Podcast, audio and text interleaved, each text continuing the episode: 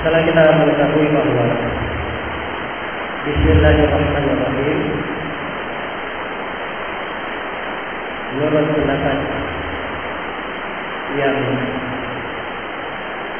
terkuat insyaallah taala bahwa dia tidak terhitung dari surah Al-Fatihah maka perlu di kita terangkan mana? Dari belas kalimat Bismillah. Bismillah. Ini dengan huruf ba. Huruf ba. Kemudian isim. Kemudian nama lafzul jalan Allah ba ini huruf jar dalam bahasa Arabnya kalau isim namanya isim artinya nama isim artinya nama jadi Bismillah artinya dengan nama Allah. Dengan nama. Kalau kita terangkan perkata, kata ba, huruf ba itu di dalam bahasa Arab dia kadang bermakna al-isti'anah mengambil bantuan mengambil pertolongan.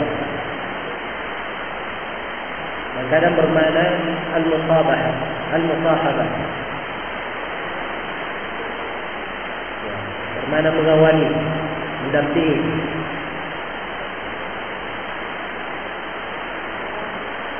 Ya, kalau misalnya saya berkata amal kutub di sayyarah saya membawa buku-buku bisayyarah dengan mobil. Maka kata dengan di sini bermakna mengambil bantuan menjadikan mobil sebagai apa? Bantuan untuk mengangkatnya. Itu lil isti'anah ya dan kadang ba bermakna lil lil musahabah bermakna yang mengawali, mendampingi. Ya. Misalnya saya katakan jitu diwaladi. Saya datang dengan anakku. Ya, maksudnya saya datang dengan dikawani atau dengan membawa anakku. Ini penggunaan huruf ba.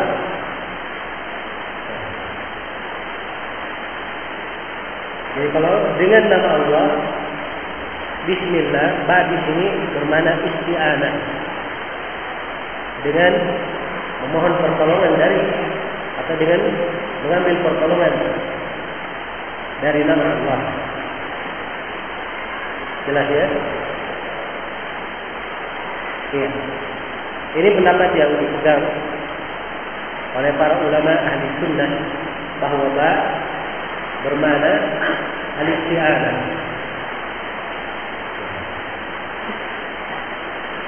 Az-Zamakhsyari salah seorang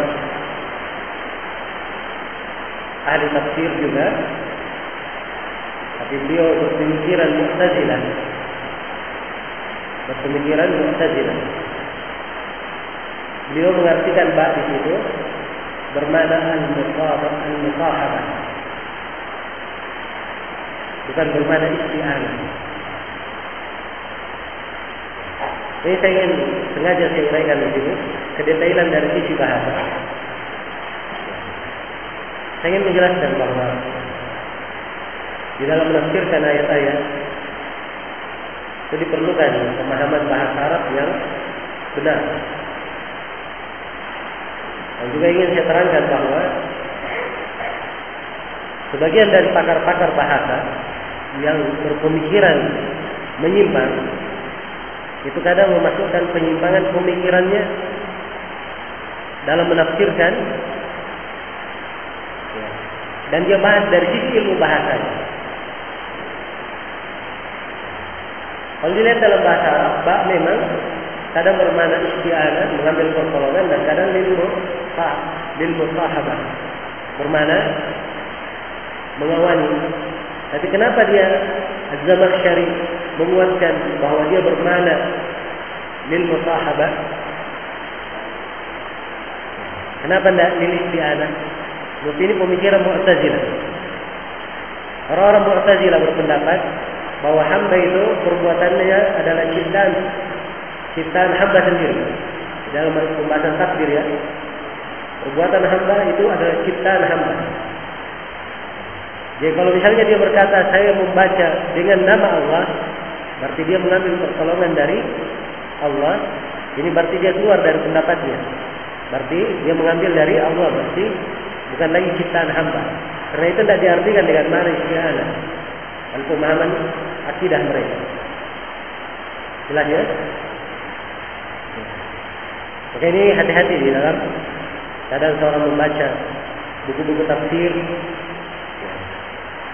Dia lihat tindak lalu Zamakhsyari memang ahli dalam bahasa. Kalau dalam uraian sisi bahasa para ulama mengakui Zamakhsyari menguraikan kandungan ayat-ayat dari sisi bahasa Tapi perhatikan bagaimana pemikiran-pemikiran Mu'tazilahnya bisa dia masukkan. Dan kadang orang kalau tidak apa namanya tidak kuat dari sisi pemahaman agamanya, juga tidak kuat pengetahuannya dari sisi bahasa Arab, ya kan sulit untuk mengetahui di mana letak kesalahannya. Di mana letak kesalahannya. Baik saya kembali. Jadi Bismillahirrahmanirrahim artinya dengan nama Allah. Ini jar majrur, dia terkait dengan sebuah fi'il, sebuah kata kerja yang tidak disebut.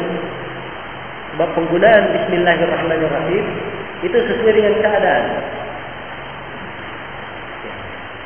Misalnya saya akan membaca, saya katakan Bismillahirrahmanirrahim Akrab dengan nama Allah yang Maha Pengasih lagi Maha Penyayang, saya membaca. Saya mengendarai kendaraan, saya baca Bismillahirrahmanirrahim misalnya, maksudnya dengan nama Allah saya berkendara. Jelas ya? Jadi dipakai sesuai dengan kondisi dan keadaan. Ya, karena itu penyebutan kata kerjanya tidak disebut. Agar supaya basmalah ini dipakai oleh setiap hamba di keadaan apa pun yang memohon pertolongan kepada Allah Subhanahu wa taala. Kemudian kata isim, isim itu bentuk mufrad dalam bahasa tunggal. Kata tunggal. Artinya nama. Kalau bentuk jamaknya asma. Asma seperti firman Allah, "Walillahi al-asmaul husna." Dan hanya milik Allah nama-nama yang maha baik. Dijamak. Tapi di sini pakai kata tunggal. Tapi karena dia kata tunggal dalam bentuk nakirah. Nakirah artinya dia tidak pakai alif lam. Kemudian diidafakan kepada kata mufrad yang diidafakan kepada nama Allah, maka dia bermakna umum. Bukan satu nama saja, tapi seluruh nama Allah. Jelas ya? Ketika dia berkata Bismillah dengan nama Allah, Walaupun di situ nama kata tunggal, tapi artinya saya memohon dengan seluruh nama-nama Allah. Ya. Dan ini tentunya berbeda pemahaman seorang hamba yang membaca Bismillahirrahmanirrahim. Ketika dia sadar bahwa ini dia memohon dengan seluruh nama-nama Allah Subhanahu Wa Taala. Dengan orang yang hanya memahami arti nama saja tanpa memahami apa makna yang terkandung di dalamnya. Jelas ya? ya. Bismillah dengan nama Allah.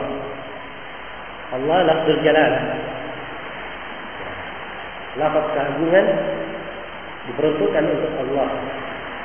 Allah dari sisi bahasa itu apa? Bermakna al-ma'luf. Bermakna yang diibadahi. Ya.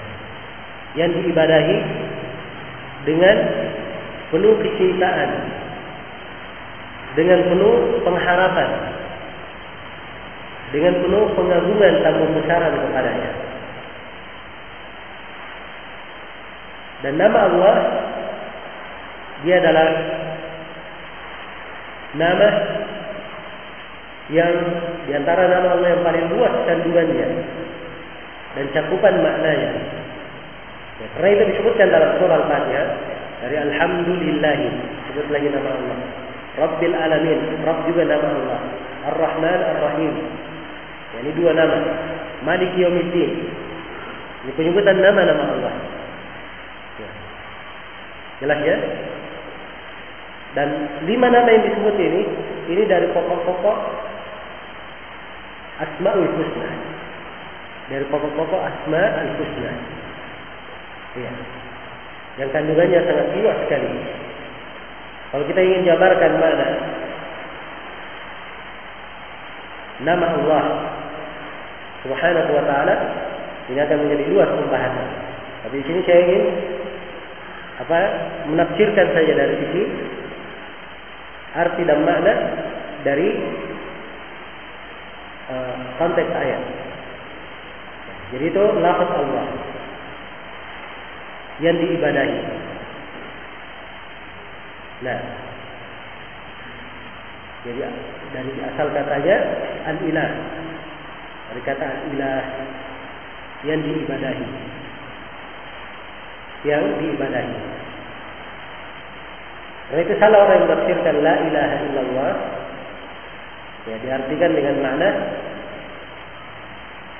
yang mencipta, memberi rezeki, menghidupkan dan mematikan. Ya, itu adalah pemahaman yang keliru di dalam mengartikannya. Sebab lafaz Allah Subhanahu wa taala, lafzul jalal Allah itu dalam bahasa Arab dari makna apa? Peribadatan. Dialah yang diibadahi. Jadi la ilaha illallah artinya la ma'budah bihaqqin illallah. Tidak ada berhak, tidak ada yang berhak diibadahi kecuali Allah Subhanahu wa taala. Tidak ada sembahan yang hak kecuali Allah Subhanahu wa taala. Iya. Baik. Bismillah dengan nama Allah. Ya, jadi kalau dibaca dengan nama Allah, yaitu dengan seluruh nama Allah. Dengan seluruh nama Allah. Ya. Kemudian Ar-Rahman Ar-Rahim. Bismillahirrahmanirrahim. Rahman dan Rahim ini dua-duanya dalam bahasa Arab disebut na'at. Na'at kepada lafaz jalal Allah. Ar-Rahman Ar-Rahim. Ini dua nama. Pertama nama Ar-Rahman dan nama Ar-Rahim. Kalau dilihat dari akar dua nama ini, semuanya kembali kepada kata rahmat. Kembali kepada kata apa? Kata rahmat. Ya. Kalau diartikan dalam bahasa Indonesia sebenarnya sama saja. Ya, karena orang Indonesia mengartikan yang maha pengasih lagi maha apa? Penyayang. Yang pengasih dia pula yang penyayang, kan begitu? Ya. Asal katanya dalam bahasa sama dari kata rahmat. Cuman bahasa Arab itu di kata pelakunya, di fa'ilnya, dia memiliki keanekaragaman pembahasan. Ada yang kata pelaku biasa. Ada yang kata pelaku yang menunjukkan kadar lebih. Ada yang lebih tapi sangat lebih. Ya. Jelas ya? Ada yang lebih tapi sangat lebih. Ya. Nah, seperti misalnya dikata Ar-Rahman Ar-Rahim. Ar-Rahman, Ar-Rahim. Semuanya dari kata rahmat. Tapi perhatikan. Ar-Rahman artinya yang maha pengasih. Yang maha penyayang. Ar-Rahim juga artinya yang maha pengasih, yang maha penyayang. Tapi Ar-Rahman ini cakupannya lebih luas.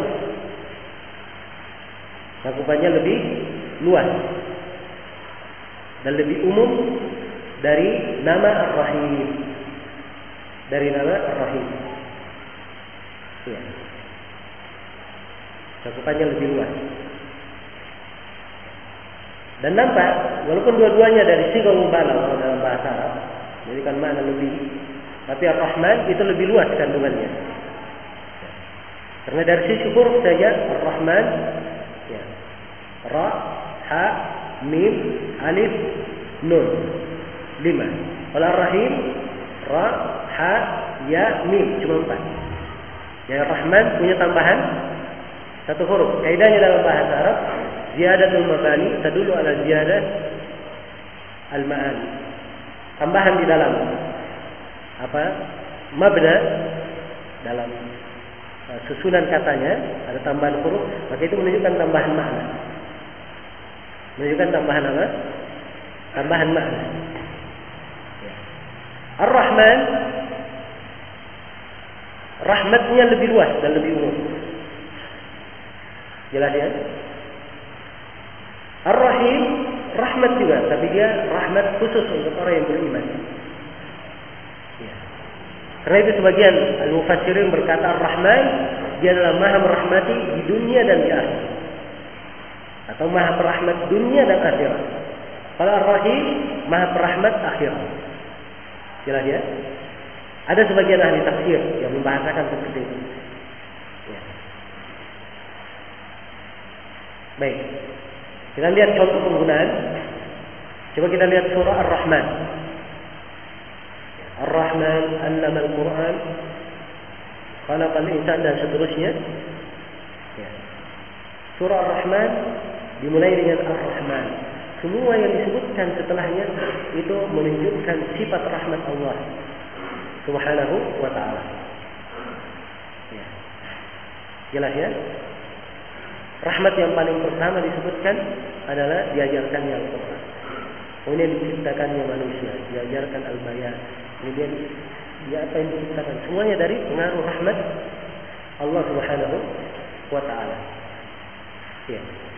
Satu surah. Dan perhatikan surah ini, ini semuanya mencakup jin dan manusia. Fabi ayyi ala'i rabbikuma tukadziban. Dan jin dan manusia ini kafir dan muslimnya semuanya tercakup di dalamnya. Nikmat Rob kalian berdua yang manakah yang kalian dustakan? Ya. Maka jawabannya tidak ada yang mendustakan. Walaupun dengan lisan bicaranya dia kadang mendustakan, tapi lisanul hal tidak mungkin mereka mendustakan. Nikmat Allah Subhanahu wa taala. Jelas? Baik, ini menunjukkan rahmat Allah yang luas. Kalau Ar-Rahim dia penggunaannya ya. Rahmat Allah Subhanahu wa taala dikhususkan untuk orang-orang yang beriman. Ya. Jelas ya? Jadi kalau kita berbicara masalah rahmat, ya, tentunya semua makhluk ini hidup karena rahmat Allah. Orang kafir kalau tidak rahmat dari Allah tidak mungkin mereka hidup. Ya kan? Ya. Rahmat kepada orang kafir itu rahmat apa? Rahmat umum itu tercakup dalam nama Ar-Rahman. Adapun Ar-Rahim ini rahmat Allah untuk orang-orang yang beriman. Karena itu dikatakan wa kana bil mu'minina rahima. Adalah Allah terhadap kaum mukminin adalah Maha merahmati. Dipakai nama Ar-Rahim, tidak dipakai nama Ar-Rahman sebab ini khusus untuk orang-orang yang beriman. Iya. Dan rahmat Allah Subhanahu wa taala sangat luas. Ya. Wa rahmati wasi'at kulla syai. Dan rahmatku firman Allah meliputi mencakupi segala sesuatu. Dan doa para malaikat, Rabbana wasi'ta kulla syai'in rahmatan wa ilma. Wahai Rabbku, rahmat dan ilmumu meliputi segala sesuatu. Meliputi segala sesuatu. Iya. Dan dalam hadis Abi Hurairah yang diriwayatkan oleh Imam Bukhari dan Imam Muslim, Rasulullah sallallahu alaihi wasallam bersabda, "Inna lillahi mi'ata rahmat." Sungguhnya Allah mempunyai 100 rahmat. Penyebutan 100 rahmat ini bukan pembatasan. Jelas ya? Bukan pembatasan. 99 disimpan di sisinya. Satu rahmat itulah yang dibagi antara makhluk sehingga seorang ibu sangat sayang kepada anaknya. Ya. Seorang apa namanya seekor induk dari binatang tidak tega dia menginjak anaknya sendiri. Jelas ya? Ini dari rahmat yang Allah bagi ya untuk makhluk. Dan berbicara tentang rahmat Allah Subhanahu wa taala dan luasnya rahmat Allah kepada hamba ini pembahasan yang luas. Ya. Dan di pembahasan Asmaul Husna memang terdapat kandungan-kandungan makna-makna yang apabila dicermati oleh seorang hamba itu sangat menambah ya, nilai pengenalannya kepada rohnya dan akan menyebabkan dia semakin dekat dan semakin takut kepada rohnya azza wa jalla. Karena itulah ya, hendaknya kita semua berusaha Ya, sebab pembahasan Asmaul Husna ini dari pembahasan yang penting di dalam kehidupan. Ya. Nah, kita semua berusaha untuk mempelajari dan mendalami ya, kandungan Asma Al-Husna. Ya, dan berusaha untuk mempelajari pelajaran-pelajaran yang terkait dengan Asmaul Husna. Baik. Ini Ar-Rahman Ar-Rahim secara global.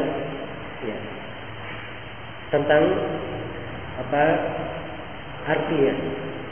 Jadi Bismillahirrahmanirrahim. Inilah basmalah yang dibaca. Ya. Yang dibaca sebagai pembuka dari surah Al-Fatihah. Nah, kemudian membaca basmalah ini, ya bagi siapa yang berpendapat bahwa dia dari surah Al-Fatihah, maka basmalah tidak boleh ditinggalkan.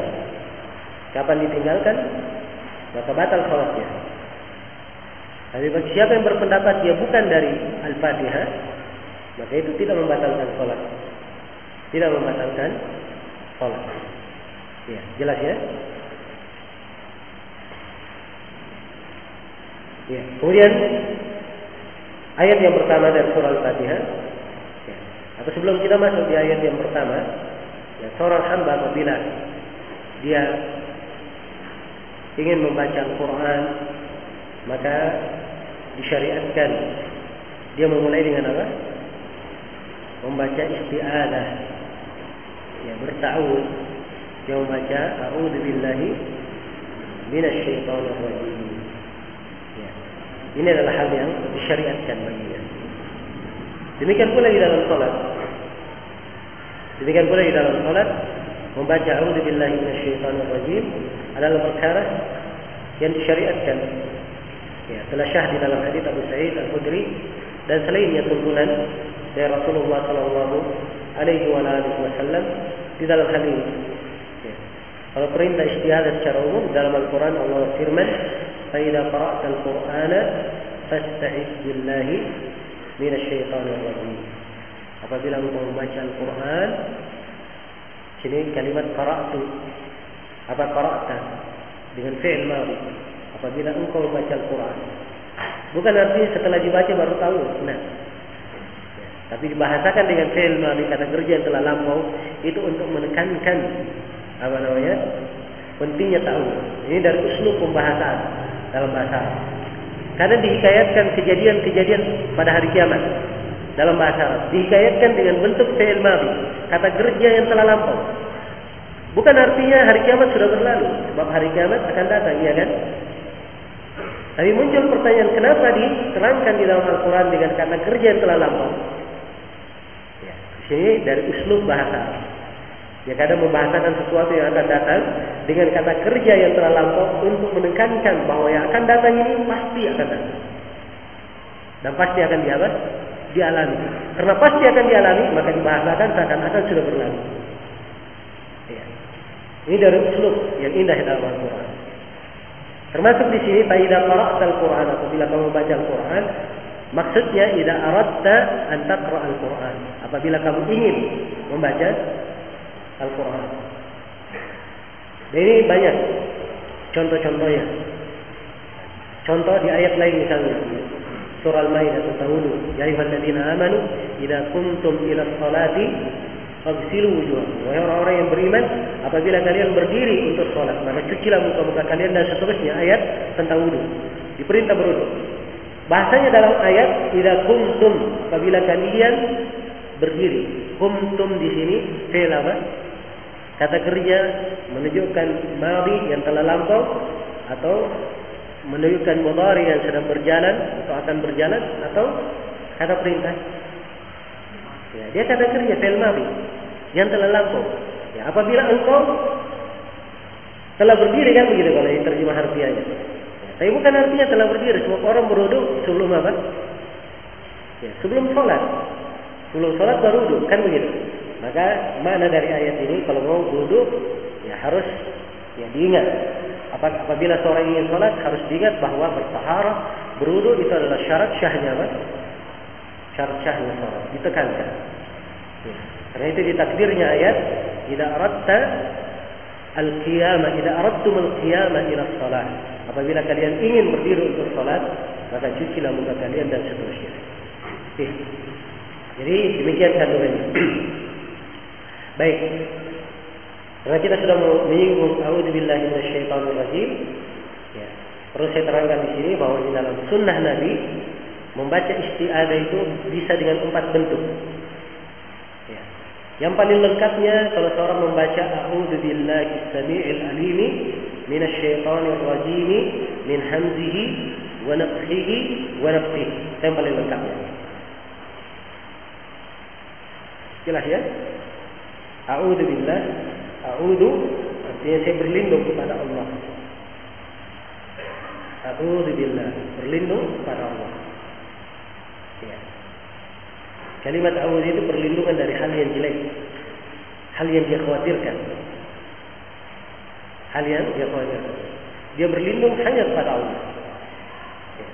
Dia diragukan bahwa hamba yang hatinya terkait seperti ini, yang berlindung kepada Allah, itu akan lebih tenang karena hanya tergantung kepada Allah pada setiap bahaya dan setiap masalah yang dihadapi. A'udzu billah. Saya berlindung kepada Allah. As-Sami' Al-Alim. Yang Maha mendengar lagi Maha mengetahui. Sebut dua nama dan nama Allah. Ya. Sebab Allah Maha mendengar apa yang diminta oleh hamba. Dan Allah Maha mengetahui keadaan hamba. Dan apa masalah yang dihadapi? Jelas ya? Ya. As-Sami'il Alim min asy-syaithanir rajim. Dari asy-syaitan ar-rajim. Dari asy-syaitan. Syaitan itu itu sebuah penamaan ya kalau asal katanya dalam bahasa Arab ada yang mengatakan dari kata syaitana. Ya.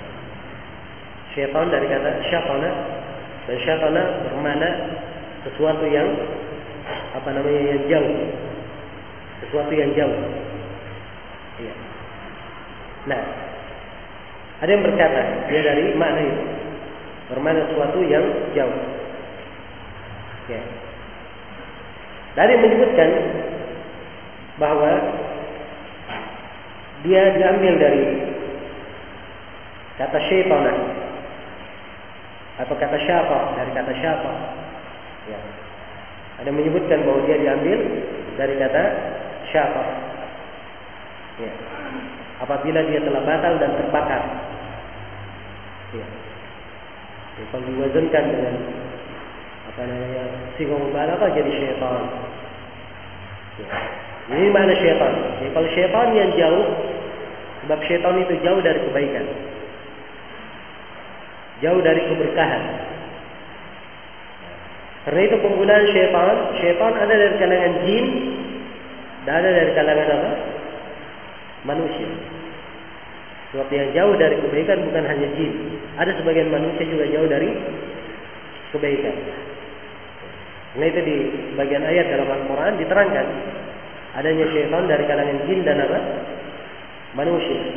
Wakadhalika seperti ayat di surah Al-An'am firman Allah Subhanahu wa taala wakadzalika ja'alna likulli nabiyyin aduwan syayatin al-insi wal jin yuhi ba'dhum ila ba'd zukhrufal qawli ghurura demikianlah kami wahyukan kami jadikan pada setiap nabi itu ada musuhnya setiap nabi punya musuh dari kalangan syaitan manusia dan syaitan jin. Dimulai dulu syaitan dari kalangan manusia. Baru syaitan dari kalangan apa? Jin. Iya. Dimulai dari manusia. Ya, sebab ini bahayanya lebih besar. Dia kadang datang dengan wajah apa? Nasihat. Ya, wajah mengajak kepada kebaikan, tapi hakikatnya syaitan ingin menyesatkan. Jelas? Ya. Nah itu disebutkan sebagian orang sifatnya doa ala abwa di jahannam. Dai-dai yang menyuruh kepada pintu jahannam. Ya. Disebut syaitan ins kemudian syaitan jin. Syaitan dari kalangan jin. Syaitan dari kalangan jin dia tidak bisa memberikan pengaruh secara bahir. Ya, dia hanya memberikan bisikan membisikkan syubhat ya, atau membisikkan syahwat kepada hamba. Tapi kalau syaitan dari kalangan manusia, ya, dia punya kemampuan lebih banyak. Jelas ya? Maka meminta pertolongan dari syaitan ar-rajim. Min syaitan ar-rajim. Ar-rajim dia fi'il. Ah, fa'il sehingga mubalaghah tapi bermana marjum. Ya, bermana maf'ul. Jadi kalau diartikan syaitan yang dilempar. Berkata rajim dan rajam yaitu dilempar. Ya. Nah, maksudnya dia adalah sesuatu yang dilempar. Apakah dengan ucapan maupun dengan perbuatan. Orang-orang Indonesia biasanya mengartikannya yang terkutuk.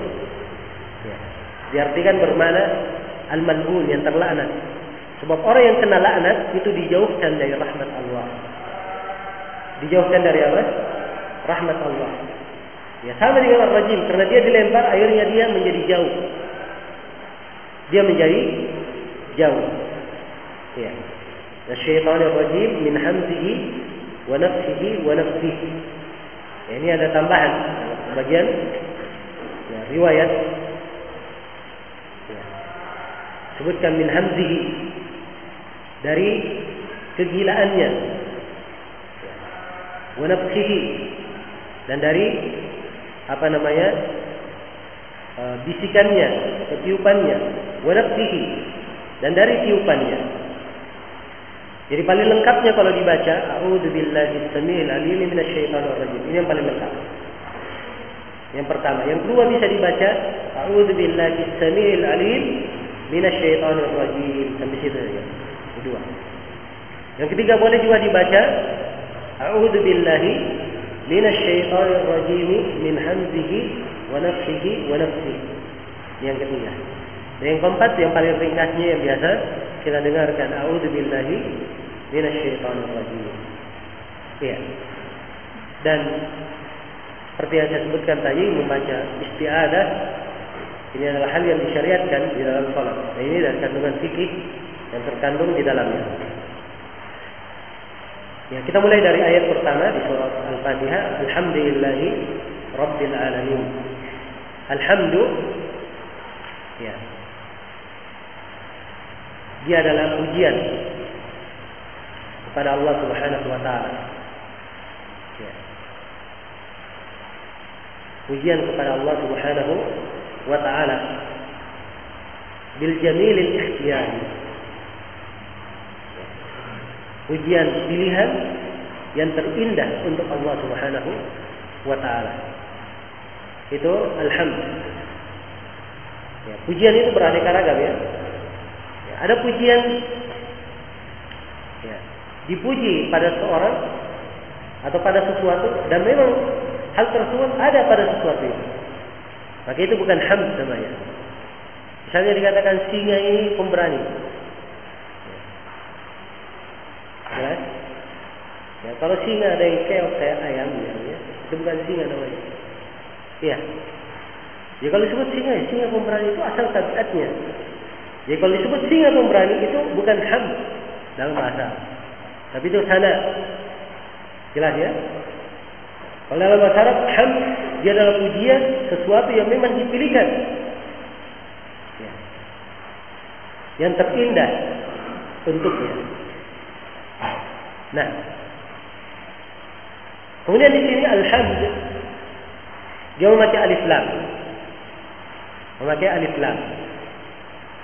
Dan alif lam ini dalam bahasa Arab disebut lil istighraq. Alif lam lil istighraq al-jinsi. Menunjukkan jenisnya yang sangat umum. Artinya kalau diartikan bebas, segala pujian hanya untuk Allah. Jelas ya? Jadi mungkin ada yang berkata, Alhamdulillah kata tunggal dalam bahasa. Artinya satu pujian.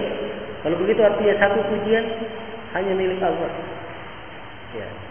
Ini keliru ya di dalam menerjemahkan. Sebab alham dia pakai alif lam. Dan alif lam di sini bermakna apa? Bermakna istighraq. Jadi artinya segala puji hanya untuk Allah. Ya. Semua yang namanya hamd itu adalah milik siapa? Milik Allah Subhanahu wa taala. Iya. Ini mana alhamdulillah. Ya, sama dengan ayat wajah rabbuka wal malaku saffan saffa. Dan datanglah Rabbuk wal malaku. Al malak dalam bahasa Arab satu malaikat. Kalimat kata apa? Mufrad. Saffan saffa bersaf-saf. Jelas ya? ya? Kalau orang nggak paham bahasa Arab, Oh dia akan katakan, ya, akan bingung dia bagaimana Rob datang dengan satu malaikat kemudian bersosok. Hah? Ini karena tidak mengerti bahasa Arab. Ya, karena alif lam dalam al malak itu lil istiqrar, artinya datang dan seluruh malaikat bersosok. Jelas ya? Ini cara mengartikannya. Ya, karena itu di, saya sebutkan pada pertemuan yang telah lalu bahwa Al-Quran itu tidak bisa diterjemah ke bahasa lain. Tidak bisa diterjemah ke bahasa lain. Yang ada adalah menerjemah makna Al-Quran yang ada. Yang kita baca di terjemahan-terjemahan itu terjemahan makna apa? Al-Quran. Adapun Al-Quran itu sendiri lafaznya itu mukjizat. Dia pakai alif lam, tidak pakai alif lam, itu adalah mempunyai keistimewaan tersendiri. Mempunyai keistimewaan tersendiri. Ya, susunannya ini didahulukan, ini diakhirkan. Itu mempunyai keistimewaan tersendiri. Mukjizat lafaz-lafaznya. Dan ini tidak bisa dibahasakan ke bahasa apa pun. Jelas? Ya, karena itu yang ada adalah penerjemahan Al-Quran. Pener, apa penerjemahan makna Al-Quran ada. Maka tergantung orang yang menerjemahkan. Ya, kalau yang menerjemahkannya pemahamannya tidak beres, ya hasilnya juga akan apa? Tidak beres apa yang diterjemahkan. Iya. Jelas ya? Seperti yang kita lihat kadang yang menerjemahkan Al-Quran, ya, tangan Allah diartikan kekuasaan Allah. Ini karena pemahaman yang tidak yang tidak beres. Ya. Menerjemah makna bukan pada tempatnya. Ya. Demikian. Alhamdulillah. Segala puji hanya untuk Allah. Ya. Sini mungkin saya perlu jabarkan sedikit tentang mana Alhamdulillah. Ya, supaya terasa berbeda seorang itu membaca Al-Fatihah. Insya Allah kalau seorang kalau sudah mendengarkan penafsiran surah Al-Fatihah ini, dia baca lagi dalam sholatnya dia hayati, akan terasa berbeda. Bacaannya setelah dia paham kandungan Al-Fatihah dan sebelum dia belajar terasa berbeda ya. ya. Kalimat alhamdulillah Segala puji hanya untuk Allah.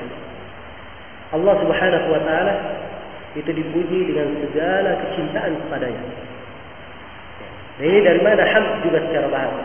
Dia pujian penuh kecintaan kepada siapa yang dipuji. Kepada siapa yang dipuji. Ya, dan cakupan pujian kepada Allah Subhanahu wa taala itu mencakup banyak hal. Di antara pujian-pujian kepada Allah Subhanahu wa taala, Allah Maha terpuji, Maha mahmud fi rububiyatihi, dalam rububiyatnya. Ya. Allah Subhanahu wa taala Maha dipuji dalam rububiyahnya. Dialah Allah Subhanahu wa taala yang Maha berkuasa, yang Maha mengatur segala sesuatu. Segala isi alam ini adalah ciptaannya. Dialah yang menghidupkan, mematikan. Dari seluruh makna rububiyahnya, Allah Subhanahu wa taala Maha dipuji. Allah firman, Alhamdulillahilladzi lam yattakhidh walada. Segala puji hanya untuk Allah yang tidak menjadikan untuk dirinya anak. Ini dari mana rububiyah? Alhamdulillah fatiris samawati wal ardh. Segala puji hanya untuk Allah yang mengadakan langit dan bumi tanpa ada contoh sebelumnya. Ya. Ini makna rububiyah. Allah memuji diri, alhamdulillah. Ya. Ini pujian yang pertama. Pujian pada rububiyah Allah Subhanahu wa taala. Yang kedua, Allah Maha terpuji pada uluhiyahnya. Dialah Allah Subhanahu wa taala satu-satunya yang berhak untuk diibadahi.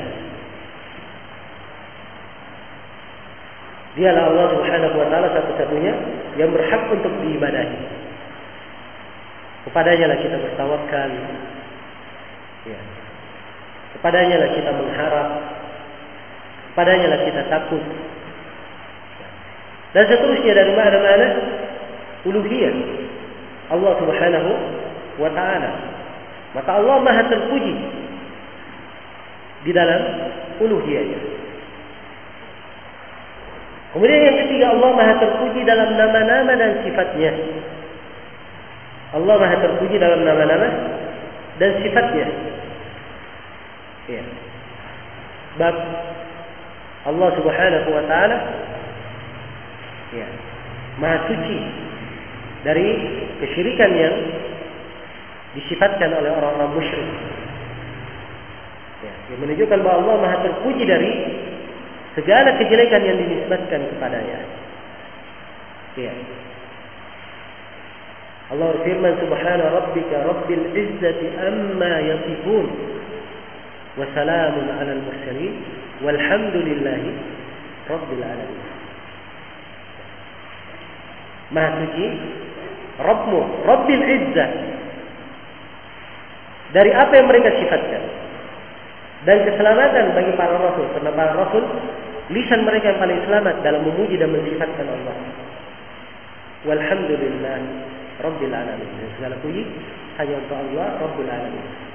Itu ayat-ayat terakhir dari surah As-Saffat. Ditutup dengan Alhamdulillah. Pujian kepada Allah Subhanahu wa taala. Jelas ya dalam rububiyahnya dalam sifat-sifatnya. Kemudian yang ketiga atau yang keempat, Allah Subhanahu wa taala Maha terpuji dalam syariat dan agamanya. Ya. Seluruh yang yang Allah syariatkan di dalam agama ini seluruh yang Allah Subhanahu wa taala syariatkan di dalam agama ini semuanya adalah kebaikan. Dan Allah dipuji terhadapnya. Dan Allah dipuji terhadapnya. Dan kaum muslimin hendaknya memuji Allah. Yang memberikan hidayah kepadanya. Alhamdulillahilladzi hadana lihada. Segala puji hanya untuk Allah yang memberikan hidayah kepada kami untuk hal ini. Ya. Allah firman Alhamdulillahilladzi anzala al-kitaba ala abadihi Segala puji hanya untuk Allah yang menurunkan Alkitab kepada hambanya. Agama ini, syariat ini, Allah maha terpuji terhadapnya. Kemudian kelima dari mana pujian kepada Allah? Allah Maha terpuji dalam ketentuan dan takdirnya. Apa yang Allah tentukan, apa yang Allah Subhanahu wa taala takdirkan, maka dia Maha terpuji dalam segala perkara yang dia tetapkan. Dalam segala perkara yang dia tetapkan. Maka coba bayangkan, seorang hamba yang membaca Alhamdulillahi Rabbil Alamin. Segala puji hanya untuk Allah. Dia ingat penjabaran makna pujian ini. Ini lima perkara kita sebutkan dan pujian kepada Allah Subhanahu wa taala lebih luas daripada itu maka ini tentunya akan menambah kecintaan seorang hamba kepada Rabbnya. Pengagungan dan pembesaran. Ya. kepada Rabbnya Alhamdulillah segala puji hanya untuk Allah lillah dia pakai lam di situ Lamnya disebut dalam bahasa Arab milik istihqaq. Kepemilikan. Jadi segala puji hanya milik Allah Subhanahu wa taala. Dan di sini katakan Rabbil alamin. Segala puji hanya untuk Allah Rabbil alamin. Rabb al-alamin. Nah, sini dibedakan antara Allah dan nama Allah dan nama Ar-Rabb. Ini menunjukkan bahwa dua nama ini berbeda. Ya, dua nama ini berbeda. Ya. Dan ini yang menunjukkan salahnya orang-orang yang menafsirkan la ilaha illallah dia tafsirkan dengan makna rububiyah. Tidak ada yang mencipta, tidak ada yang rezeki. Ini keliru sebab kalimat ilah itu dari uluhiyah. Dari uluhiyah bermakna ibadah. Bermakna ibadah. Beda maknanya walaupun saling memberikan konsekuensi. Ya, siapa yang mengakui Allah mencipta, menghidupkan, memberi konsekuensinya dia hanya beribadah kepada siapa? Allah Subhanahu wa taala. Demikian pula siapa yang beribadah kepada Allah Subhanahu wa taala, ya, pasti dia adalah orang yang apa? Mentauhidkan Allah dalam rububiyahnya, mengakui bahwa Allah yang mencipta, menghidupkan dan memberi rezeki. Ya, dan seterusnya kaum musyrikin di masa Nabi Shallallahu Alaihi Wasallam, mereka mengakui bahwa Allah yang mencipta, mencipta langit dan bumi, Rabbul Arsh. Bersamaan dengan itu, mereka tidak dianggap muslim. Mereka masih dianggap kafir ya, di dalam sejumlah ayat dalam Al-Quran. Masih diperangi oleh Rasulullah. Kenapa? Sebab kandungan hakikat dari la ilaha illallah mereka tidak terima. Itu mereka tidak ridho yang diibadahi itu cuma satu. Mereka akui bahwa Allah yang mencipta, memberi rezeki, tapi mereka tidak ridho hanya Allah yang diibadahi. Mereka juga ingin beribadah kepada selain Allah. Karena itu ucapan mereka disebutkan dalam Al-Quran, disayatkan dalam Al-Quran. Ya. Ucapan mereka aja'al al-alihata ilahan wahida inna la syai'un ujab. Apakah Nabi Muhammad ini ingin menjadikan yang diibadahi cuma satu? Sungguhnya ini adalah ucapan yang sangat menakjubkan. Jelas ya? Jadi permasalahan mereka di dalam masalah ubudiyah, peribadatan, bukan di dalam masalah rububiyah. Iya. Alhamdulillahi Rabbil Alamin. Rabb Al-Alamin. Al-Alam itu artinya segala selain Allah. Segala selain Allah disebut apa? Disebut alam. Dan di sini dijama. Seluruh alam, semesta alam. Sebab alam itu banyak. Ada alamnya manusia, ada alam hewan, ada alam alam tumbuhan, ada alam laut, ada alam uh, udara, dan banyak lagi alam. Dan Allah Subhanahu wa taala Rabb al-alamin, Rabb semesta alam. Iya. Alhamdulillahi Rabbil Alamin Ar-Rahman Ar-Rahim Kita sudah tafsirkan tadi ya Ar-Rahman Ar-Rahim di basmalah nah. Maliki Yawmiddin Maliki Yawmiddin Baik saya akan uh, baca dulu secara ringkas Saya berikan penafsirannya. Kalau kita tafsirkan kita akan kembali Kemudian memberikan kandungan-kandungannya. Baik. Malik Yawmiddin Malik. Ya. Ini di bacaan yang kita baca di mushaf kita. Maliki Yawmiddin dari riwayat. Hak meriwayatkan dari Rafi dibaca Maliki Yawmiddin maknanya dipanjangkan ya, dari kata milk kepemilikan jadi pemilik ad-din pemilik hari kemudian hari kebangkitan hari pembalasan ya. Dan datang dalam sebagian kiraah di kiraah sab'ah dibaca maliki yaumiddin. Mimnya dipendekkan. Dibaca yang maliki yaumiddin. Jelas ya? Kalau mimnya dipendekkan itu dari al-mulk. Artinya penguasa. Ya, kalau malik artinya pemilik. Jelas ya? Artinya pemilik yang maha memiliki. Kalau Malik yang maha menguasai. Ya. Dan ini termasuk keindahan dalam Al-Quran. Al-Quran itu ya diturunkan di atas tujuh huruf. Bagaimana telah syah dalam sebagian hadis. Dan tujuh huruf ini ya dibangun di atas salah satu penafsiran para ulama yaitu bermana tujuh kiraat. Ada tujuh lisan. Ya, sebab Nabi Wasallam mengajarkan kiraat-kiraat tersebut bacaan-bacaan tersebut. Ya. Dan bacaan-bacaan ini mempunyai apa dengan adanya keanekaragaman dalam membaca ini semakin memperindah kandungan dari Al-Quran. Ya. Perhatikan ya kata Malik ada dua bacaan, ada yang baca Malik, ada yang baca Maliki. Pendek. Dan ini saling melengkapi dan saling menyempurnakan makna. Dan saling menyempurnakan makna. Ya. Dan bacaan-bacaan, perbedaan bacaan-bacaan itu memberikan pengaruh. Memberikan pengaruh di dalam sebagian hukum. Ya. Jelas ya? Seperti misalnya bal ajibata wa yaskharun di surah Saffat. Bahkan kamu takjub dan mereka kan? Ya. Molok-molok. Ya, datang dalam sebagian bacaan bal ajibatu, bahkan saya takjub. Ya, takjubnya dinisbatkan kepada Allah. Ya. Jelas ya? Ya. Maka al-ajab di sini sifat ditetapkan kepada Allah berdasarkan bacaan tersebut. Berdasarkan bacaan tersebut. Ya. Dan kadang ada ayat punya pengaruh dari sisi kandungan fikih karena berbeda bacaan. Punya pengaruh dari sisi kandungan fikih. Nah, di sinilah pembahasan di dalam membahas apa ayat ahkam itu kadang orang yang menafsirkan juga harus melihat dan memperhatikan kiraat-kiraat di dalam ayat.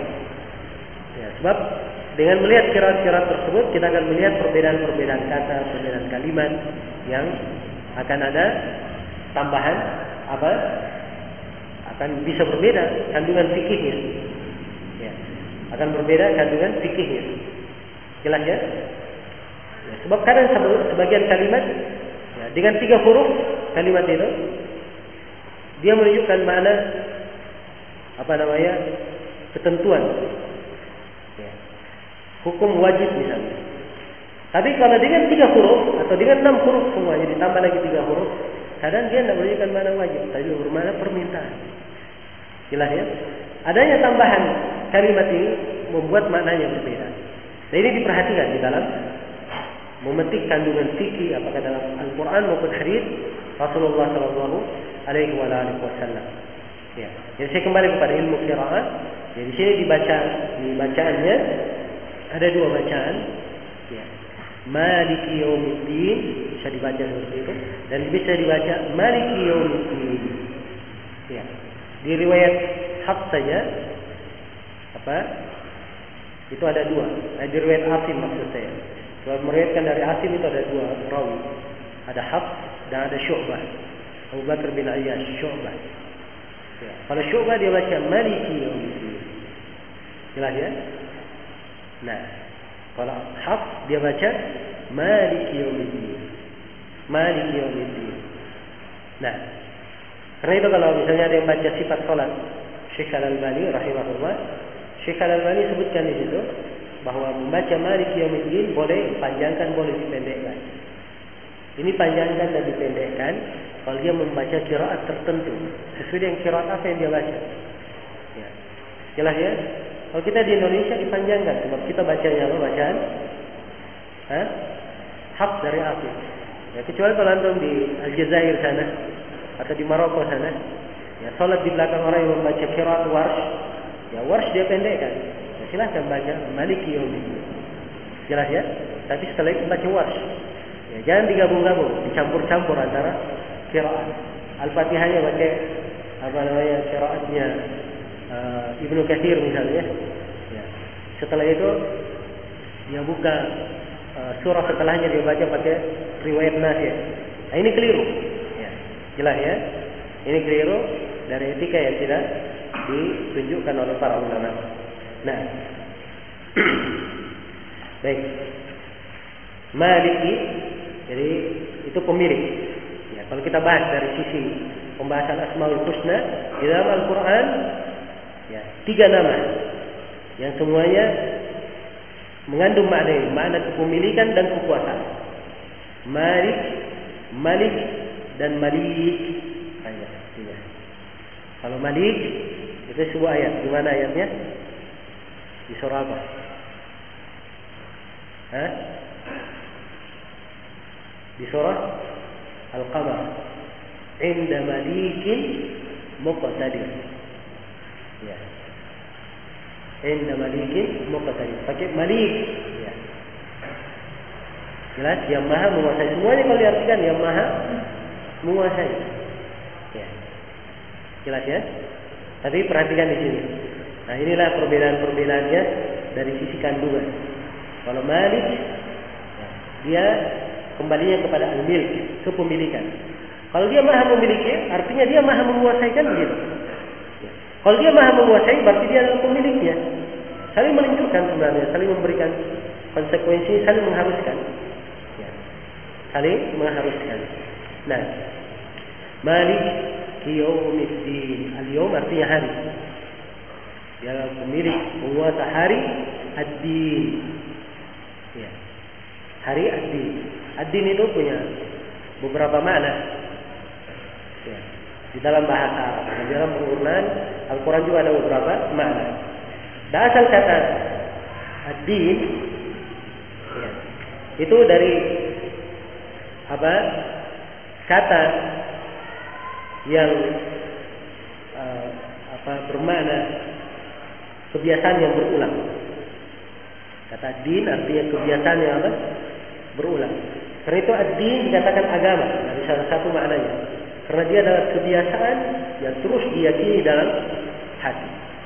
Ada suatu keyakinan yang terus diyakini di dalam hati. Disebut ad-din.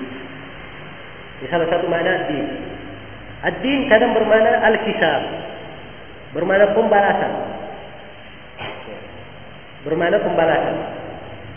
Ya. Jelas ya? Kalau bermakna agama tadi banyak ayat menunjukkannya di antaranya firman Allah, "Inna dina indallahi al-Islam." Ini din bermakna apa? Agama. Tapi ada din dia bermakna pembalasan, tidak bisa diartikan dengan apa? Mana agama di sini? Ya, seperti firman Allah Subhanahu wa taala, "Yauma idzin yuwaffihimullahu dinakumul haqq."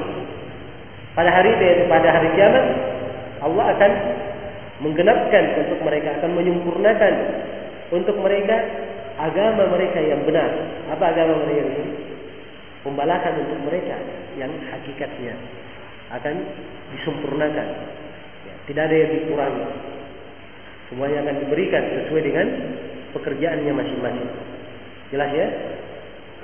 Baik. Ya. Maka dia bermana pembalasan, bermana kisah. Dan ini makna yang diinginkan di sini dari Malik.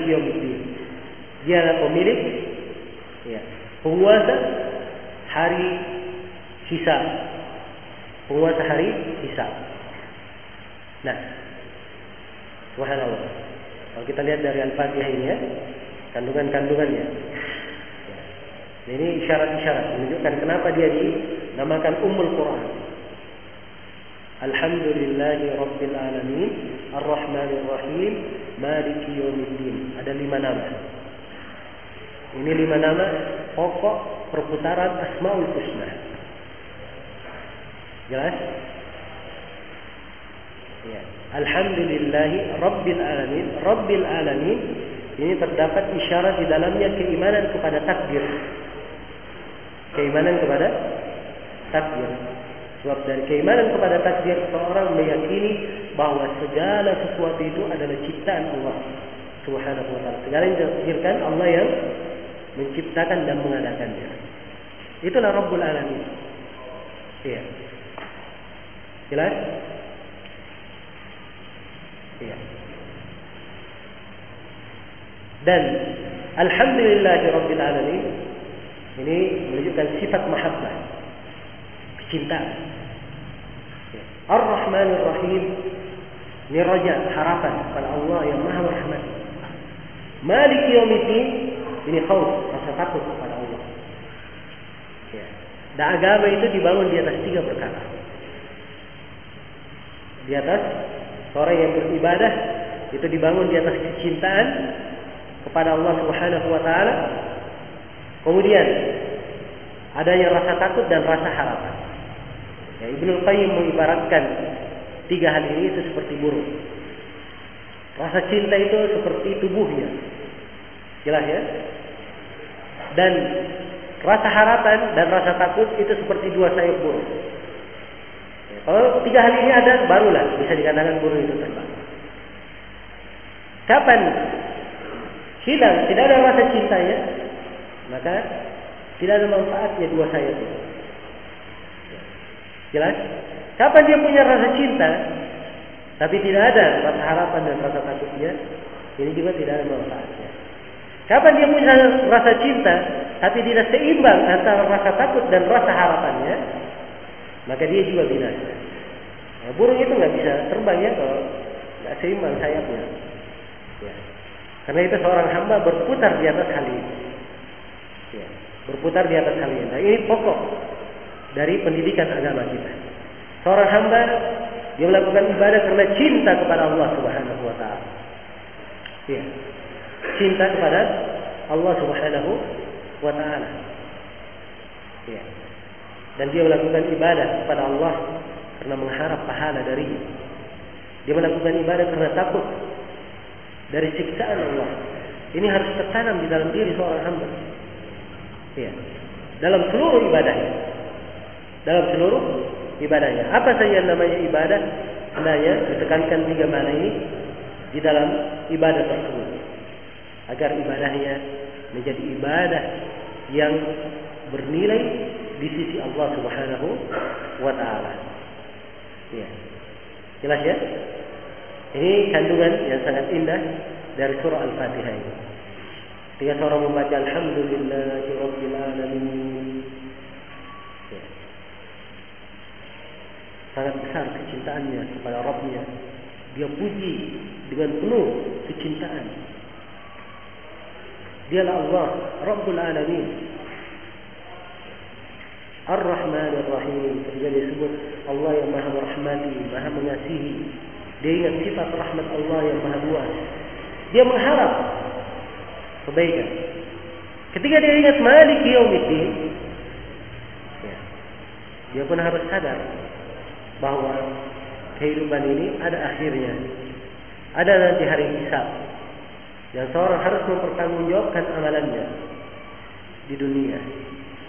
Iya seorang mempertanggungjawabkan amalannya di dunia. Malik yaumiddin. Kemudian iyyaka na'budu wa iyyaka nasta'in. Kepadamu ya Allah saya beribadah dan kepadamu lah saya memohon pertolongan. Iyyaka. Ya. Iyyaka ini dia mansub dikedepankan. Asalnya dia harus di belakang. Asalnya dia di belakang, tapi begitu di, di, di depan, dikedepankan penyebutannya, maka ini menunjukkan makna pengkhususan. Ya, jadi kalau diartikan, hanya kepadamu kami beribadah. Iya karena abudu. Hanya kepadamu kami beribadah. Wa iyyaka nasta'in. Dan hanya kepadamu kami apa? Memohon pertolongan. Nah, jadi ibadah hanya kepada Allah dan memohon pertolongan hanya kepada Allah. Ya. Ibadah itu hanya milik Allah dan pertolongan itu diberikan kepada hamba datangnya dari sisi Allah. Karena itu di hadis qudsi tadi dikatakan, ini ayat antara saya dan antara hambaku. Jelas ya? Antara saya dan antara hamba. Di sini pakai na'budu. Kami. Ya, bukan saya. Ya. Tidak dipakai kata a'budu saya. Tapi dipakai kata apa?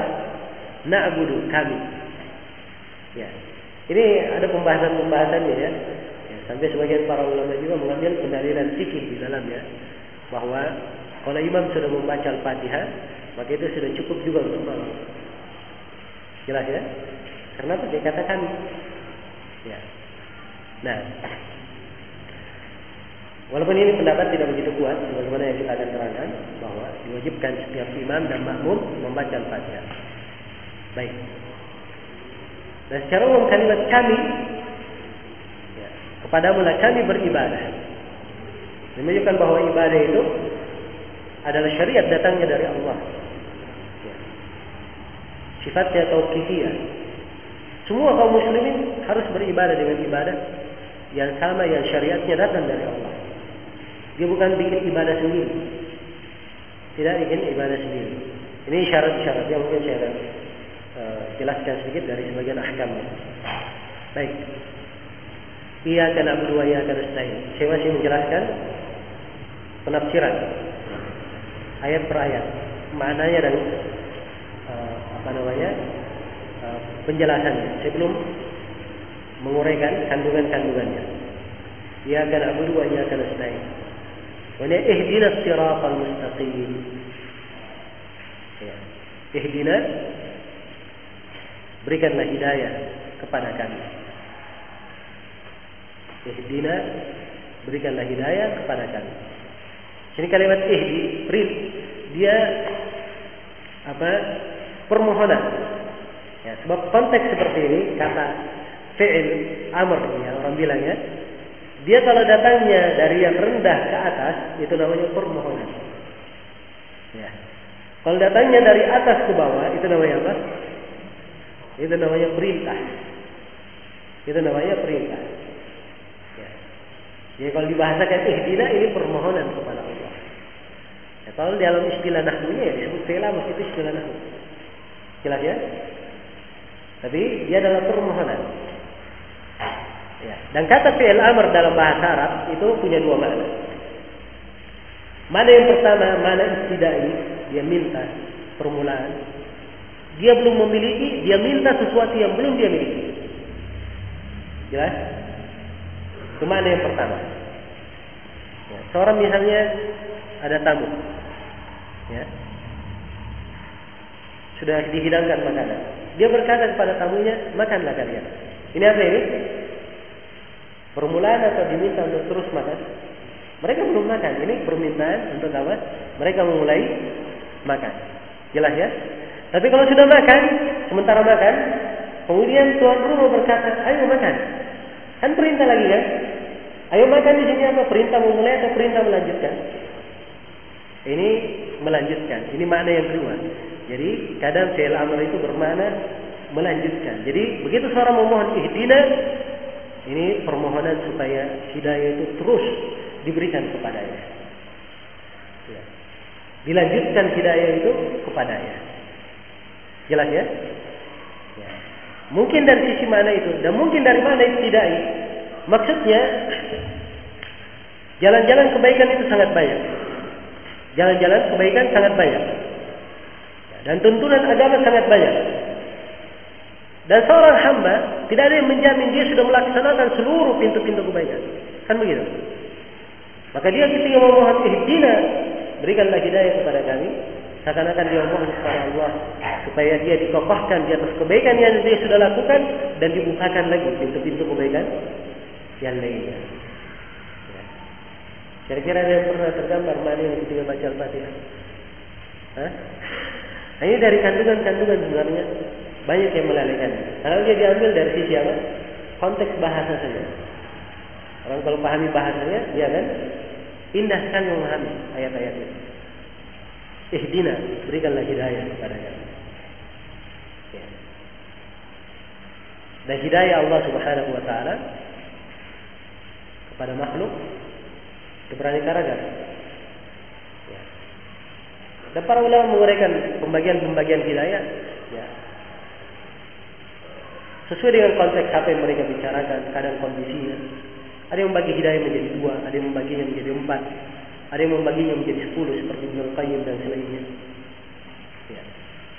Tapi mungkin pembagian umum di sini kita bagi hidayah terbagi empat. Ya. Pembagian umum.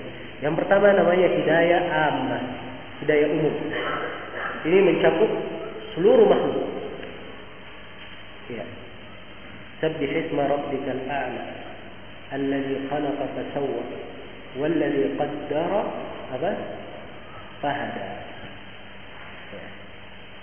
Puji lah قدر yang maha a'la maha tinggi al-ulu. Ya. saya nggak perlu tafsirkan ya. ala tafsir tafsirkan setiap asmaul husna saya tafsirkan nanti Cantum ada lama selesainya pelajaran. Ya. Maha tinggi nanti saya uraikan maha tinggi Allah terbagi tiga. Ada ulu adat, ulu al-qahar, ulu al-qadar. Ya. Lama lagi. Tapi saya harapkan nanti di kesempatan lain ya berusaha untuk ada daurah tentang asmaul husna. Ya. Jelas ya? Ini pelajaran. Siapa yang belum belajar asmaul husna, ya jadikan apa namanya program studinya yang belum dia pelajari. Artinya dia belum lulus kalau belum belajar. Ya. Jelas ya? Baik. Dan saya terangkan di pertemuan yang telah lalu bagaimana pengaruh memahami asmaul husna sampai dalam kandungan hukum pun punya apa? Punya pengaruh. Dalam kandungan hukum punya pengaruh. Ya. Baik. Kemudian tapi hikmah rabbikal maha pujilah Rabbmu yang maha tinggi. Alladzi khalaqa fasawwa. Allah yang mencipta fasawwa lalu apa? menyempurnakan. Ya. Walladzi qaddara fahada. Yang menakdirkan kemudian memberi hidayah. Jelas ya? Ciptaan kemudian disempurnakan penciptanya, ditakdirkan, kemudian Allah beri hidayah. Hidayah apa ini? Ini hidayah umum untuk seluruh makhluk, jin dan manusia, kafir, muslim, semuanya dapat hidayah. Hidayah bermana apa? Hidayah umum. Dengan hidayah Allah seorang kafir mendapatkan rezekinya, mendapatkan apa yang merupakan haknya. Ya. Dengan hidayah Allah, makhluk, ya, setiap makhluk Allah mendapatkan rezekinya masing-masing. Ya. Yang di daratan, yang di udara, maupun yang di lautan, maupun yang di bawah tanah, semuanya mendapatkan rezekinya dengan hidayah dari Allah Subhanahu wa taala. Ini namanya hidayah apa? Hidayah umum. Kemudian yang kedua, hidayah jenis yang kedua namanya hidayah ad-dalal wal irsyad. Atau sebelum itu, hidayah at-taufiq wal ilham. Hidayah taufik dan ilham. Dia mendapatkan taufik dan ilham sehingga menerima keislaman, menerima kebenaran. Jelas ya? Dan hidayah yang seperti ini sifatnya itu datangnya hanya milik apa? Allah Subhanahu wa taala. Iya. Hanya milik Allah Subhanahu wa taala. Iya. Kemudian yang ketiga namanya hidayah ad-dalal wal irsyad. Hidayah memberi petunjuk dan memberi dan mengajak pada jalan yang lurus. Ya. Ini hidayah bermakna mengajak, memberi, mengajak kepada jalan yang lurus. Dan ini juga diberikan kepada para nabi dan para rasul, para dai. Ya. Dan Allah telah berfirman kepada Rasulnya, Wa innaka la tahdi ila siratin mustaqim. Dan engkau Nabi Muhammad memberi hidayah kepada jalan yang lurus. Hidayah apa namanya? Hidayah dalalah wal irsyad. Adapun di ayat yang lain, innaka la tahdi man ahbabta. engkau Nabi Muhammad tidak bisa memberi hidayah kepada siapa yang kamu cintai. Hidayah apa yang dinantikan di sini? Hidayah taufik dan ilham. Maksudnya taufik dan ilham itu bukan milikmu, tapi milik siapa? Milik Allah. Ya, perhatikan ya. Bagaimana seorang ketika mengetahui pembagian hidayah ini, dia akan mampu mengkompromikan dan memaknai ayat pada makna yang tepat. Ya, sebab kadang ada orang yang membaca ayat dua ayat ini, dia bingung. Lo ayat yang pertama Allah berfirman, engkau tidak bisa memberi hidayah kepada siapa yang kau cintai. Ayat yang kedua mengatakan engkau Nabi Muhammad memberi hidayah kepada jalan yang lurus. Yang pertama dinasikan hidayah, yang kedua ditetapkan. Ya, jelas ya? Orang yang tidak tahu pembagian hidayah akan bingung memahaminya. Tapi orang yang mengerti pembagian hidayah ini tidak ada masalah. Sebab yang dinafikan itu hidayah apa? Hidayah taufik wal ilham. Yang ditetapkan untuk nabinya engkau memberi hidayah pada jalan yang lurus, apa yang dimaksud hidayah apa? Dalal wal irsyad. Kemudian hidayah jenis yang keempat adalah hidayah pada hari kiamat. Ya. Kepada penduduk sorga diberi hidayah ke sorga. Dan penduduk neraka diberi hidayah ke neraka. Jelas ya? Ini hidayah yang keempat. Nah. Ya. والذين آمنوا وعملوا الصالحات يهديهم الله بإيمانهم تجري من تحتهم الأنهار في جنات النعيم Orang-orang yang beriman dan beramal salih, Allah memberi hidayah kepada mereka dengan keimanannya menuju kepada sorga naim yang mengalir di bawahnya sungai-sungai. Jadi menuju sorga diberi apa? Hidayah. Demikian pula penduduk neraka. Ya. Ya. Juga disebutkan hidayah. Fahduhum ila siratil jahil. Berikanlah mereka hidayah menuju jalan ke neraka. Atau fahduhum ila siratil jahil. Jadi beri hidayah mereka kepada jalan ke neraka. Nah, juga disebut hidayah. Ya, ini di antara pembagian-pembagian hidayah. Ya. Dan di sini perhatikan. Seorang hamba ketika mohon ihdina siratal mustaqim, hidayah apa yang dia inginkan? Hah? Seorang hamba ingin semua empat hidayah ini. Ya kan? Hidayah umum untuk dia hidayah taufik wal ilham terus dia diberi hidayah taufik dan ilham kemudian hidayah dia diberi petunjuk kalau dia hari ini masih jahil kurang ilmu dia minta agar supaya dibukakan ilmu itu ya. dan hidayah pada hari akhirat supaya diberi diberi hidayah ke mana ke surga kan begitu ya, coba bayangkan ketika seorang hamba membaca ayat ini ihdinas siratal mustaqim dia menunjukkan mana hidayah, kemudian mana siratal mustaqim yang akan kita terangkan nanti. Ini akan apa namanya semakin menjelaskan pemaparan hidayah dan pemaparan siratal mustaqim. Jelas ya? Ya. As-sirat al-mustaqim. Kata as-sirat dalam bahasa Arab, atau kalau akar dalam bahasa, kata as-sirat itu adalah jalan yang lurus, tidak ada bengkoknya. Jalan yang lurus tidak ada apa? Bengkoknya. Itu kata sirat. Dan sirat dari akar bahasanya dia adalah jalan yang luas. Jalan yang luas. Iya. Jalan yang luas. Kemudian mustaqim ini sifat. Sifat terhadap jalan. Sifat terhadap jalan.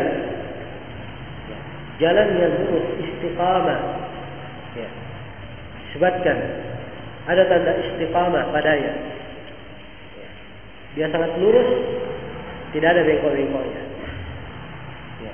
Dia lurus, ya, enak untuk ditapaki. Siapa yang berjalan di atasnya tidak ada mendaki gunung, tidak juga khawatir karena dia menurun tidak. Tapi enak berjalan di atasnya. Subhanallah, perhatikan ya, gambaran jalan yang lurus.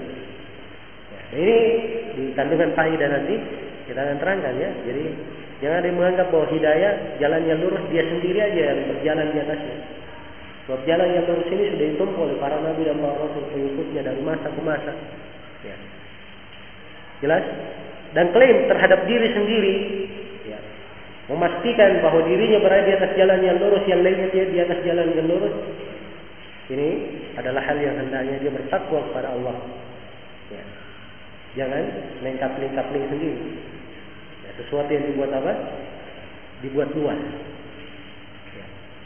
Ya. Berbeda kalau seorang ada sifat bid'ah penyimpangan, maka ini terangkan penyimpangan-penyimpangannya dan keluar dari jalan yang lurus. Jelas ya? Keluar dari jalan yang lurus. Tapi seorang memuji dirinya dia sendiri yang berada di atas jalan yang lurus. Yang lainnya dia di atas jalan yang lurus. Ini merekomendasi diri yang bukan pada tempatnya. Dan akibatnya akan mengakibatkan hal yang jelek pada seorang hamba. Jelas ya? Baik. Kemudian kata sirat di sini dalam ayat ini punya dua makna sirat. Ya. Ada sirat bermakna maknawi dan ada sirat bermakna hissi. Ya. Al-Quran dan As-Sunnah mengikuti Al-Quran dan As-Sunnah itu adalah apa? Siratul mustaqim atau bukan? Hah? Siratul mustaqim, itu jelas. Ya. Itu jalan para nabi dan rasul. Jalan Allah. Wa anna hadha sirati mustaqiman. Fattabi'u sungguhnya ini jalanku. Yang lurus ikutilah jalan itu. Jalan yang lurus tafsirkan oleh as-salaf, oleh para ulama, tafsirkan dengan Al-Quran, ditafsirkan dengan apa? As-Sunnah. Dan ditafsirkan dengan jalannya as-salaf. Ya. So mereka yang berada di atas jalan yang lurus. Jelas ya? Iya. Perhatikan. Jalan yang wa anna hadha sirati mustaqiman fattabi'uhu ikutilah jalan itu. Jadi jalan yang lurus Al-Quran dan As-Sunnah. Sekarang kalau kita katakan jalan yang lurus Al-Quran dan As-Sunnah, ada jalannya kita lihat di depan. Dilihat oleh kasat mata. Hah? Bisa disifatkan jalannya berapa meter, berapa kali berapa. Hah? Tidak kan? Tapi jalan yang lurus yang dimaklumi. Ya itulah maknawi namanya. Jalan maknawi. As-sirat al-mustaqim bermakna apa? Maknawi. Al-Quran dan As-Sunnah. Ada al-hissi yang memang dilihat dengan pandangan mata. As-sirat al-mustaqim. Yaitu sirat kapan? Nanti pada hari kiamat. As-sirat yang dihamparkan di mana? Di atas punggung neraka jahannam. Iya. Itu as-sirat. Dan ini telah syah di dalam hadis-hadis Rasulullah SAW secara mutawatir. adanya jembatan yang dihamparkan di atas punggung neraka jahannam disebut juga sirat ya bahkan di dalam Al-Qur'an Allah Subhanahu wa taala berfirman wa in minkum illa wariduha kana ala rabbika hatman maqdiya thumma nunajjil ladina taqaw wa nadaru zalimina fiha jithiya tidak seorang pun di antara kalian kecuali dia akan mendatangi neraka jahannam itu. Ya.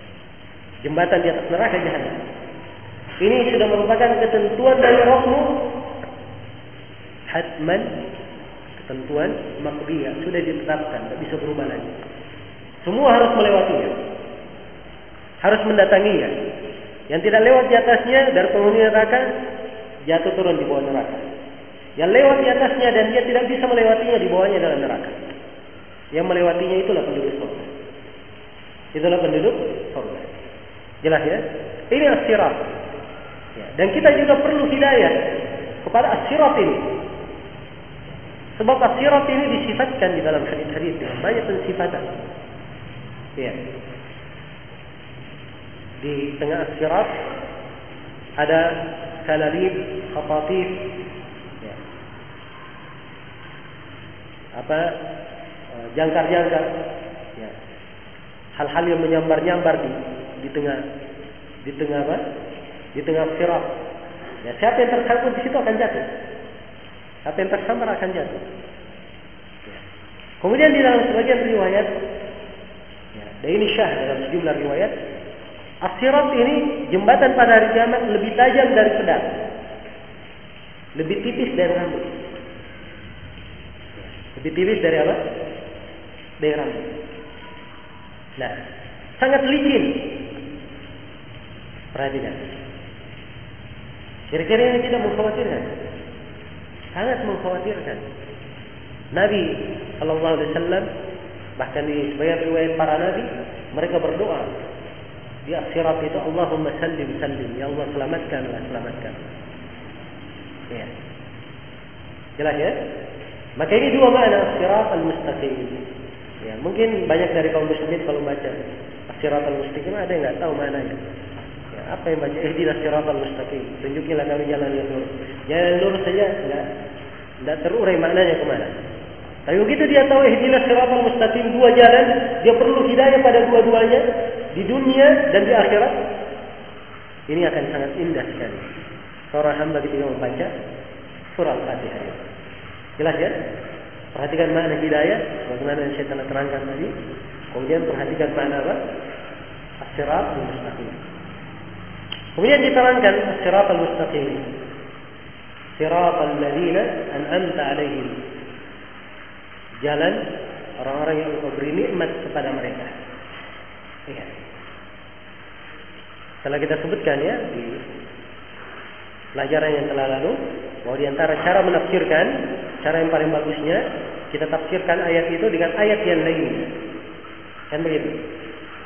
Jadi kita sebutkan kemarin ada empat cara penafsiran yang dipegang oleh as-salaf. Yang pertama Al-Quran ditafsirkan dengan Al-Quran. Yang kedua Al-Quran ditafsirkan dengan hadis. Yang ketiga Al-Quran ditafsirkan dengan ucapan sahabat dan para imam ahli tafsir dari murid-murid sahabat dan seterusnya dari ulama dikenal ahli tafsir. Kemudian yang keempat ditafsirkan Al-Quran itu sesuai dengan kandungannya dari sisi bahasa. Ini empat empat apa? Jalan menafsirkan. Ya. Tidak jalan yang lain. Tidak ada dalam penafsiran menurut hemat saya. Ya. Ya. Kemudian apa namanya? Ya. Kelihatannya terbaik bagi saya begini. Ya. Dan saya merenungi ayat ini kelihatannya akan begini. Ya. Jelas ya? Ini penafsiran yang batil dan keliru. Dan penafsiran-penafsiran yang jenis ini ini terlalu banyak muncul di masa ini. Penafsiran tidak bersumber dari tafsir yang benar. Dan subhanallah, kaum muslimin kadang ada yang membacanya dia kagum, ya, takjub terhadapnya. Ya, padahal hakikatnya tidak ada ilmu di dalamnya, hanya kejahilan. Hanya kejahilan. Ya, maka itulah pentingnya seorang ini bagaimana dia belajar ya, agama yang benar supaya menjadi ukuran. Menjadi acuan yang bagus untuknya di dalam belajar. Baik. Siratal ladzina an'amta alaihim jalan orang-orang yang kau beri nikmat terhadap mereka ini tafsirkan di ayat yang lain. Ya. di ayat yang lain.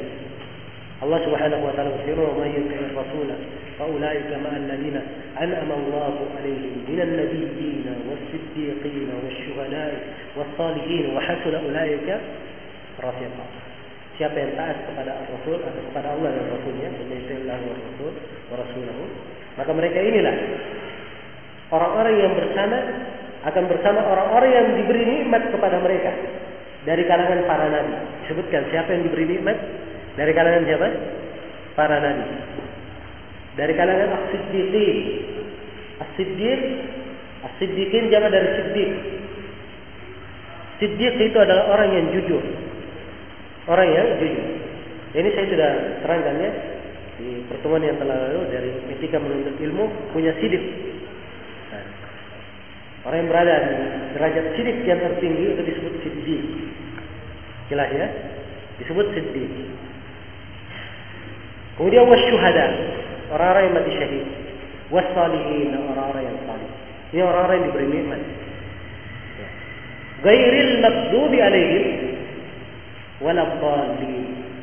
Bukan jalan orang-orang yang dimurkai terhadap mereka dan bukan pula jalan orang-orang yang disesatkan. Ya. Bukan jalan orang yang dimurkai. Yang dimaksud di sini menurut penafsiran kebanyakan para ulama adalah orang-orang Yahudi.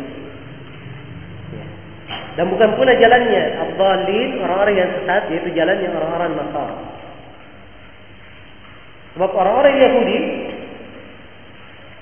mereka berilmu tetapi tidak apa?